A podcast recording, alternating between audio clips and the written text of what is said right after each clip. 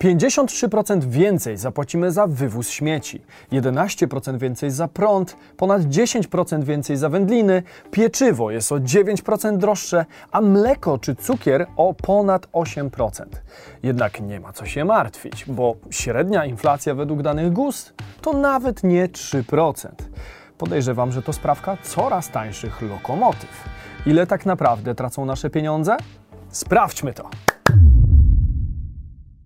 Cześć, tutaj Damian Olszewski i witam Was na kanale, na którym o pieniądzach mówimy po ludzku. Inflacja to pojęcie, z którym część z nas już się spotkała. Jednak z przeprowadzonego przez firmę Mason Partners testu wiedzy o finansach wynika, że ponad połowa z nas nadal nie wie, że pożera ona co roku pieniądze zgromadzone na rachunkach. Dzisiaj postaram się rozwiać większość wątpliwości związanych z istnieniem i oddziaływaniem inflacji na nasze pieniądze. Zacznijmy od tego, czym jest inflacja i co powoduje. Inflacją nazywamy proces wzrostu przeciętnego poziomu cen w gospodarce. Skutkiem tego procesu jest z kolei spadek siły nabywczej pieniądza. Innymi słowy, to przez nią co roku możemy kupić w sklepie coraz mniej za taką samą ilość pieniędzy. Jeśli macie ponad 25 lat, to może pamiętacie, jak w podstawówce, mając 5 zł w kieszeni, mogliśmy wyjść do sklepu i kupić na przykład paczkę chipsów, jakąś orężadę i kilka innych drobiazgów. Obecnie ledwo starcza na dużą paczkę chipsów. Uśredniony poziom inflacji w Polsce w marcu wynosił aż 4,6%, czyli nasze pieniądze traciły na wartości już niemal w tempie 5%. To trochę tak, jakby co roku ktoś podbierał nam z paczki jednego papierosa. W sierpniu natomiast wróciliśmy do poziomu 2,9%. Można powiedzieć, że pożar ugaszony. Ale czy aby na pewno? No nie do końca. Żeby to lepiej zrozumieć, posłuszmy się trzema kluczowymi zasadami w działaniu inflacji. Zasada numer jeden. Każdy ma swój własny poziom inflacji. Otóż uśredniona wartość inflacji to pewnego rodzaju zniekształcenie rzeczywistości. Zupełnie jak tak zwana średnia krajowa, gdzie ja mogę zarabiać miesięcznie 100 tysięcy brutto, a 99 innych osób równo po 4382 zł.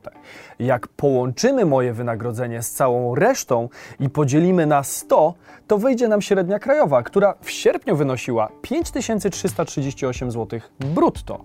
Brzmi cudownie. Pytanie tylko, ile z tych 100 badanych osób zarabia powyżej 5000 zł? Zaledwie jedna.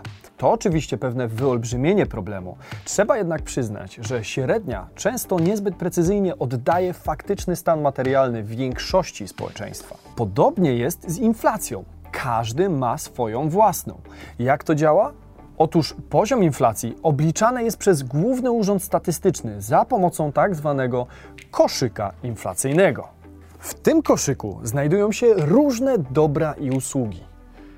Jedne tanieją, drugie drożeją, jeszcze inne utrzymują się na podobnym poziomie. Wszystkie razem średnio drożały w sierpniu o 2,9%. Tyle, że dla każdego z nas nie ma znaczenia średnia z wszystkiego, tylko wzrost cen produktów, które faktycznie kupujemy. Jeżeli produkty z kategorii żywność podrożały o 20%, a komputery i elektronika, na przykład takie jak ten, potaniały o 20%, to wychodzi nam inflacja mniej więcej na poziomie zerowym. Pytanie jednak, kto z Was w tym roku kupił nowy komputer, a kto kupuje codziennie na przykład chleb czy masło? Napiszcie w komentarzu, sprawdźmy jak wygląda taka proporcja. Dalej, jeżeli najem nieruchomości podrożał o 10%, a usługi kosmetyczne spadły o 10%, to też niby jesteśmy na zero. No chyba, że korzystamy z kosmetyczki rzadko albo wcale. Jeszcze dalej, jeżeli prąd poszedł w górę o 11%, a materiały budowlane o 11% w dół, to mamy cholernego pecha, że nasz pieprzony dom już stoi, a telefon nie chce się ładować na panelach podłogowych. Inaczej znowu wyszlibyśmy na zero, ale nie wyjdziemy. Rozumiecie skąd wychodzę?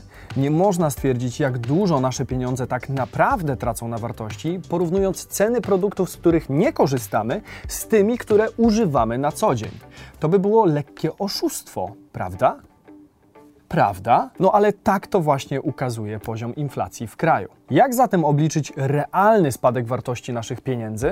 Aby obliczyć rzeczywiste oddziaływanie inflacji na nasze portfele, trzeba by było zrobić listę wszystkich naszych wydatków i po kolei prześwietlić wzrost ceny każdego z nich. Podejrzewam, że po takim ćwiczeniu wielu z nas złapałoby się za portfele. Na moim Instagramie przedstawiłem jakiś czas temu grafikę obrazującą wzrost cen produktów powszechnego użytku w 2020. Króluje na niej wywóz śmieci, który przeciętnie podrożał o ponad połowę, ale jak widać, inne pozycje też odnotowały imponujące wzrosty, biorąc pod uwagę, że rok jeszcze nawet się nie zakończył. Druga zasada: biedni tracą najwięcej. Dlaczego tak jest? W skrócie, produkty podstawowego użytku najszybciej drożeją. Pewnie zdążyliście już się o tym przekonać. Spójrzmy choćby na średni wzrost cen nieruchomości czy najmu, cen żywności czy mediów. A więc przeciętny Kowalski, poświęcający większość swojej pensji na jedzenie, media i koszty zamieszkania, będzie tracił co roku najwięcej. Wynika to z tego, że dużą proporcję jego wydatków stanowią właśnie produkty pierwszej potrzeby. Obliczmy to. Dla przykładu, powiedzmy, że nasz Jan Kowalski mieszka w dużym mieście i zarabia 3000 zł na rękę. Za mieszkanie musi zapłacić 1300 zł plus rachunki w wysokości 300 zł. Do tego na jedzenie musi wydać około 800 zł. Na komunikację powiedzmy, że kolejne 100 zł, kosmetyki i ubrania to kolejne 200 zł. Całą resztę wydaje na szaleństwa takie jak kolacja dla dwojga w barze mlecznym czy subskrypcja Netflixa. Zatem całość jego stałych miesięcznych wydatków wynosi obecnie 2700 zł. W tym za najem płaci 43% swojej pensji, za opłaty mieszkaniowe 10%, za jedzenie około 27%, co daje nam już razem około 80% jego wynagrodzenia. W takim razie, jeżeli ceny za najem, koszty jego wyżywienia i opłaty za media wzrosły o 10%, a ceny całej reszty jego wydatków pozostały w miejscu, to ile wynosi spadek wartości pieniądza w jego przypadku? A 2,9%, bo tak mówią w telewizorze. B 8%, bo sam umiem myśleć. C 10% lub więcej. Oczywiście druga odpowiedź jest poprawna. Realny poziom inflacji odczuwalnej dla Kowalskiego to 8%. A teraz zestawimy to z uśrednioną inflacją i poszukajmy podobieństw. 8 też ma taki brzuszek jak 9, tylko 9 ma tylko ten górny taki, no i procent na końcu też się zgadza. No nie, to są dwie zupełnie różne liczby. Warto zdawać sobie z tego sprawę, kiedy następny raz sięgniemy do kieszeni po więcej monet niż dzień wcześniej. Polecam też wypisać swoje własne wydatki i obliczyć, ile w Waszym przypadku wynosi inflacja. Linki do statystyk wzrostu cen poszczególnych produktów zamieszczę w opisie. Trzecia zasada: wysoka inflacja zabija oszczędności, a nagradza inwestorów i kredytobiorców. Żeby to lepiej zrozumieć, warto zastanowić się, po co w ogóle stworzono inflację. W dużym skrócie, inflacja ma stanowić dodatkowy bodziec do wydawania pieniędzy, a tym samym wspierania rozwoju gospodarki. Można powiedzieć, że inflacja to ten gość, który w pełnym pociągu lekko wypycha nas od tyłu w głąb przedziału, żeby jeszcze pięć innych osób zmieściło się na metrze kwadratowym.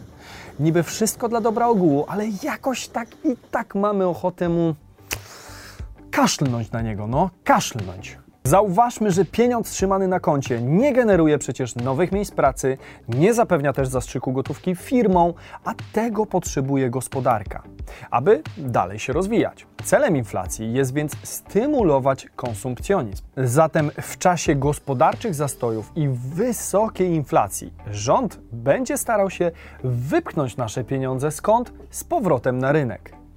W tym celu obniżone zostają stopy procentowe, co skutkuje ciągłymi obniżkami oprocentowania zarówno na depozytach, lokatach i rachunkach oszczędnościowych, jak i uwaga na kredytach.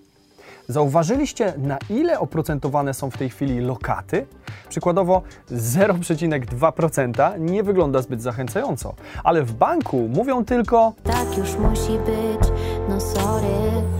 W tym samym czasie raty kredytowe stają się coraz tańsze, aby zachęcić inwestorów do korzystania z taniego kapitału. Można powiedzieć, że to pewnego rodzaju promocja, gdzie produktem jest dostęp do cudzych pieniędzy. Warto jednak pamiętać, że nadal pozostają one cudze, a stopy procentowe w każdej chwili mogą się zmienić i zwiększyć nasze raty. Mimo wszystko, w takich okresach zdecydowanie bardziej opłaca się wyciągać pieniądze i inwestować, bądź zaciągać kredyty, niż trzymać środki na rachunkach. Ale jak ze wszystkim, trzeba to robić z głową, aby nie dać się zwabić w finansową pułapkę bez wyjścia. Jeżeli ten materiał był dla Was wartościowy, to kliknijcie subskrypcję i do zobaczenia w kolejnym materiale w niedzielę o 12. Cześć!